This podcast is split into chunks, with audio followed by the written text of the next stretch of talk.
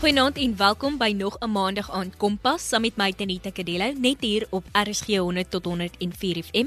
Jy kan natuurlik ook inskakel op ons DStv audio kanaal 813 of inluister op ons webtuiste by rsg.co.za. Die lewe op 19-jarige ouderdom is maar nog vreeslik de mekaar. Jy soek jou plek in die samelewing, werk aan jou toekoms en moet dan natuurlik ook verseker dat jy 'n sosiale lewe het. In Vanaand se Kompas volg ek die suksesstorie van Godwin Taweni, die 19-jarige van Richie in die Noord-Kaap wie al vele titels agter sy naam het. Jy luister na Kompas op RSG.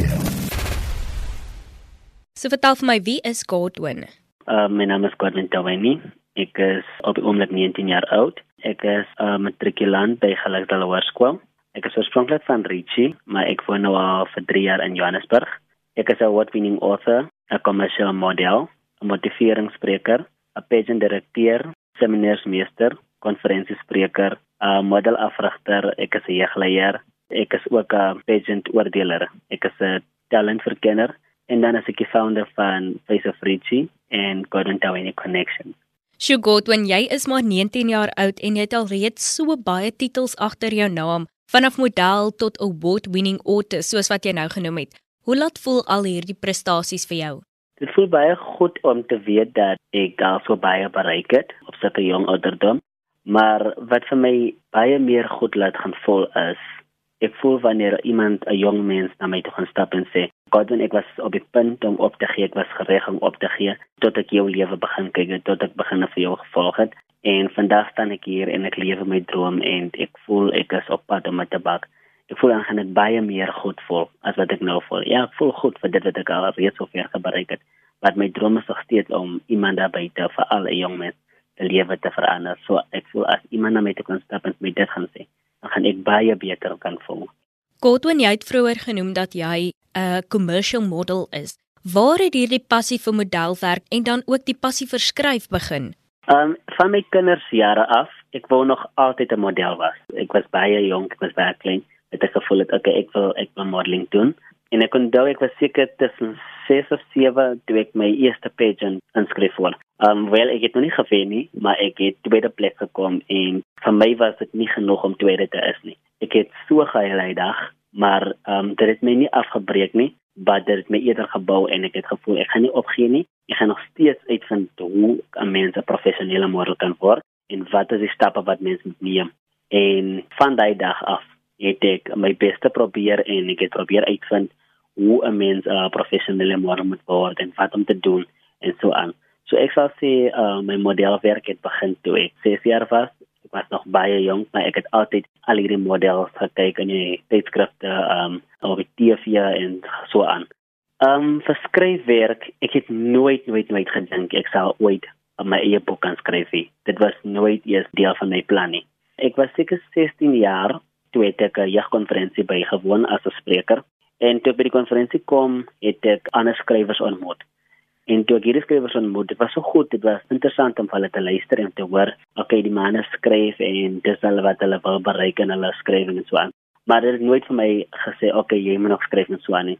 En toe ons 'n bietjie oor my gesels, het die ouens my gemotiveer om te skryf, maar ek het nog steeds vertuigend gesê ek het nie genoeg inligting nie um, om 'n hele boek voor te maak nie. En toe het ons gepraat en die man het van my net een vraag gevra. Wat is jou plan? Hoe gaan jy uitreik na jong mense toe wat nie na die funksies toe genooi is waar jy as 'n spreker is nie? Jong mense wat nie kerk loop nie waar jy 'n prediker is? Jong mense wat nie op sosiale media is nie? Hoe gaan jy uitreik na sulke mense toe? En daai vraag het my mind getrek vir 'n baie lang tyd. Tot ek seker 'n paar maande na hy besluit het, kom ek vat dit wat ek leer en ek probeer dit in 'n boekformaat sit en dan kyk ons hoe gaan dinge. En ek het niks gehou van lees nie. Ek het niks niks niks gehou van lees nie. So ek het altyd gesê my boeke moet nie dik wees nie because ek weet as ek nie van lees nie, dink ek daar's baie ander jong mense wat voel soos ek. En ek wil graag hê sulke jong mense wat so voel wat nie van lees nie, moet ook my boeke wil lees en so aan. So ek het my bietjie inligting gevat en dit in 'n boekformaat gesit en toe ek dit aan um, my editors explain, toe was hulle pleased en daar het ek 'n boek geskryf vandag. Dit was nog nooit deel van my plan nie, maar ja, daar het ek dit en die boek is nou Call to be Different.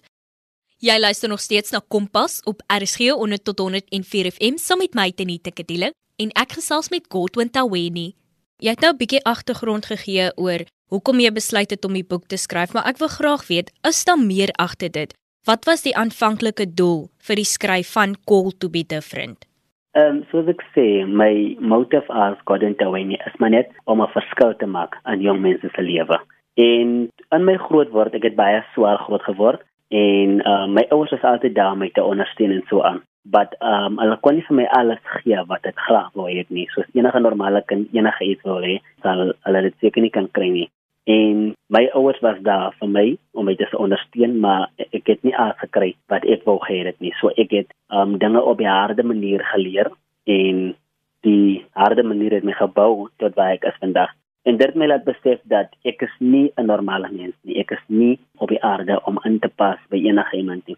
En dit het tot my gekom um dat enige ander jong mens daar buite is, miskien kan soos ek is. Soos ek sê, ek wil maar nog net 'n verskil maak in jong mense se lewe. So toe ek die boek skryf, dink ek om jong mense te motiveer en om die boodskap uit te kry dat jong mense as hier om 'n verskil te maak. Jy's nie om in te pas nie. Jy's nie om soos enigiemand te klink te lyk of met enigiemand te kompeteer nie. Jy is hier om jouself te is. Jy is hier om 'n verskil te maak. Jy's hier om jou stukkie of deel van die lewe te bring om 'n beter Suid-Afrika of 'n beter wêreld te bou. En dit is almal wat ek agter die boek het, net om jong mense te motiveer, net om die boodskap uit te kry dat jy is hier om 'n verskil te maak. Cotton, jy het nou 'n bietjie gepraat van ondersteuning en dat jou ouers jou baie ondersteun het in jou kinderjare en selfs nou in jou jongmensjare. Ek wil graag weet, hoe is die ondersteuning van jou gemeenskap? Ek het baie graag gehoop iemand sou my um daai vraag vra en al die um radio interviews al gedoen het. Um ek moet sê die mense in die Noordkap het my nogal baie baie verbaas, veral die mense van Richie. Um my eerste boek launch in Johannesburg was was baie goed en sowel as die tweede boek launch in Hoofdstad. Maar die ene van Richie was vir my uitstekend. Dit was totaal, dit was vir my die ultimate. Ek het in Richie gekom en ek het nie gedink mense gaan die boeke alles klaar koop nie. Veral vir die feit dat mense in Joburg nog nie boeke gekoop het en hy het dit nie. En in Hoofdstad het die mense die loans bygewoon, maar ook nie boeke gekoop nie. En toe ek in Richie kom by my boek launch, was dit amper asof daar 'n kompetisie was because iemand sal opstaan en dan sê die eerste een miskien ek soek vyf boeke. En dan staan die ander een op dan sê ek soek sewe boeke. En dan staan iemand weer op en sê okay ek het nou nie geld op my nie maar ek het geld in my rekening. Kan ek jou rekeningnommer kry om dit te transfer? Op miskien 12 boeke. Dit was vir my net baie baie amazing hoe die mense van die chief vir my gesupport het en in my loopbaan behalwe die feit dat ek net skryf. Ek kon daar was modeling kompetisies waar mense moet vote vir my en, en dan het ek 'n poster laat doen en ek het uitgestuur Richie toe. En toe ek aan Richie kom, was my gesig oral gehang en mense het my geondersteun en mense het gewou elke dag dagliks het mense gewou en ander mense het vir my boodskappe gestuur op Facebook om te sê hoe trots hulle op my. Ek dan na my eerste um TV onderhoud. Het mense nog steeds vir my gebel en vir my boodskappe gestuur op Messenger het boodskappe gestuur. Dit sê ons is baie trots op jou en staan agter jou. En soos enige ander mense het gedink, ag enige iemand kan 'n boodskap stuur en sê hulle is trots op my, maar dit bedoel dit nie maar die mense van Ritsie het regtig van my verbaas en ek het regtig gesien dat alle ondersteuning is baie baie groot. En daar's niks so lekker soos jou eie tuisdorp wat bankvas agter jou staan nie. Dis amazing en ek voel dit is die dryfkrag agter my. Dit vir my nog push om te sê, "Gordon, jy kan nog meer doen, jy kan nog beter doen." Ja, om te weet dat jou eie mense staan so agter jou en jy motiveer hulle ook op 'n manier. Hulle ondersteuning druk weer vir jou. Exactly, and it's for me amazing, baie baie amazing. Godwin, jy het organisasies ook in jou naam en dan het jy natuurlik ook 'n besigheid, Taweni Connections. Vertel ons meer hieroor. So Godwin Taweni Connections is my uh my baba, dis 'n klein klein company. Ek het dit nou die dag begin. Ek dink dit staan seker nou maar 3 weke, 4 weke. Maar dis my baba. Um ons vision is baie simpel. Ons wil net graag job opportunities en ook baie ander opportunities op verskillende platforms oopmaak vir jong mense. Ons wil ook die misdaad wat so groot is veg aan ons verskillende communities. Dan wil ons uitreik um, na jong mense toe met different sporting codes educational en art programme. Um, ons wil graag die denke of die gedagtes van jong mense verander om te sê daar is meer in die lewe as om net op 'n hoek te sit en te sit en wag vir 'n tweerand of om te sit en wag vir 'n sigaret of om te wag dat iemand um jou moet roep en sê kom alle borgie kos. Daar is meer as dit. Daar is so baie opportunities daar buite. Daar is so baie dinge wat jy kan doen. Jy hoef nie eers te sit en sê ja, maar ek het net matriek, ek het nog geen geld om te gaan studeer nie. Daar is meer daar buite kan. So according to any connections, gaan men net oor it's all about connecting you to a world full of opportunities. So ons wil net ons jong mense connect aan 'n wêreld vol opportunities. En op die einde van die dag is ons goals maar net om 'n strong, a powerful, educated and hardworking young span van jong mense te hê. En ons maar of ons wens om die oplossing aan die probleem van hierdie Suid-Afrika te wees. Ja, goed, want ek dink as jou gemeenskap agter jou staan, dan maak dit dinge soveel makliker vir jou wanneer jy die vrugte pluk en jy sien dat die mense in jou gemeenskap ook bly is vir jou. Dit maak jou hart so warm. Ek en Godwin gesels nou verder oor sy toekomsplanne en dan ook die hoogtepunte in sy lewe. Ehm um, ek dink die hoogtepunt in my lewe was vir my toe ek die boek gelons het. Dit was 'n amazing tyd in my lewe. Dit was baie stresvol.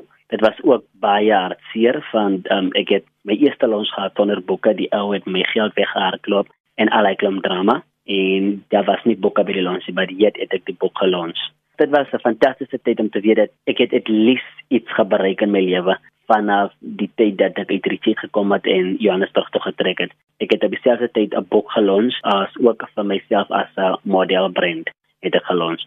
So daai was daai was een van my hoogste punte wat ek kan onthou. Daar gaan nie 'n dag verby dat ek nie daaraan dink en sê dankie Here, U was vir my goed nie. So daai was my hoogste punt. My laagste punt in die lewe en dit was vir my 'n leerpunt en ek ek deel dit altyd en mense gaan seker sê dis maar baie boring, maar ek noem dit altyd. Die laagste punt in my lewe was toe my ouers skei. Dit was vir my 'n baie baie baie harde tyd. Dit was iets baie groot om mee te deel maar dit was op dieselfde tyd die wonderlikste tyd in my lewe in because dit is in daai tyd um, wat ek die Here ontmoet het. Dit was 'n tyd wat ek myself na aan die Here gevind het. Um dit is 'n tyd wat ek niemand gehad om om my skouer te gee op te heilig. En enigste mens wat my my was was Jesus.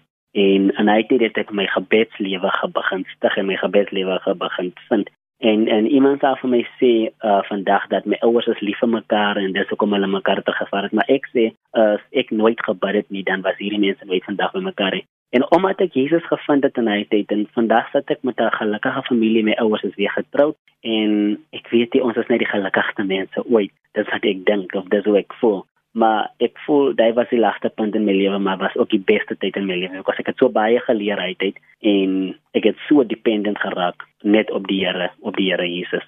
Ja nee God en ek stem saam. Partykeer het mens daardie laagte nodig om net weer vir jou te laat besef dat jy kan nie net op jouself staat maak nie. Exactly. Ons het hy punt nodig om ons net te weet wys dat die Here is nog steeds hier en is nog steeds lief vir ons en hy dra ons nog steeds dag by dag. Definitief Godwin, jy het nou al so baie titels agter jou naam en jy het nou al soveel bereik en jy's maar net 19. Wat kan die toekoms possibly vir Godwin inhou? Um ek sou sê um this amazing because I'm a kyk op na my en en en, en I'm always excited wat volgende jaar in my lewe gaan gebeur en mense dink ek gaan net events doen en en ek gaan net aanvang en so aan en mense gaan net lees in die koerante weer van Godwin en so aan dis wat mense dink because ek het die jaar by die skool baie baie van daai gehoor per onderwysers vir myself kinders vir my sê um, ons kan nie wag vir volgende jaar se koerante wat gaan praat oor jou nie en hoe jou event gaan groot is. Maar my droom vir volgende jaar na matriek is ek wil baie graag gaan studeer. My droom is om 'n akteur te word. Ek glo as ek 'n akteur is kan ek 'n groter impak op positiewe impak hê op baie baie meer jong mense se lewe um, as ek dit nie maak as akteur nie, is my tweede opsie om 'n onderwyser te is. Omdat ek glo onderwysers ehm um, het ook 'n geleentheid om 'n positiewe impak te maak op kinders se lewe en hulle se besluite wat hulle neem in die toekoms. So soos ek sê, my droom is maar nog net om 'n verskil te maak. En ek glo as ek 'n akteur is, dan gaan baie mense ook kyk na my en baie mense gaan besluite maak um, volgens hoe ek myne neem. So dan kan ek um, 'n verskil maak in iemand se lewe as ek onderwyser is, dis ek gaan dieselfde vir my. Baie kinders gaan ook kyk na my toe en ek gaan hulle kan motiveer om iets different te doen met hulle lewe. So ek wil baie graag gaan studeer volgende jaar. 'n Mens moet mos nou altyd 'n plan B ook hê.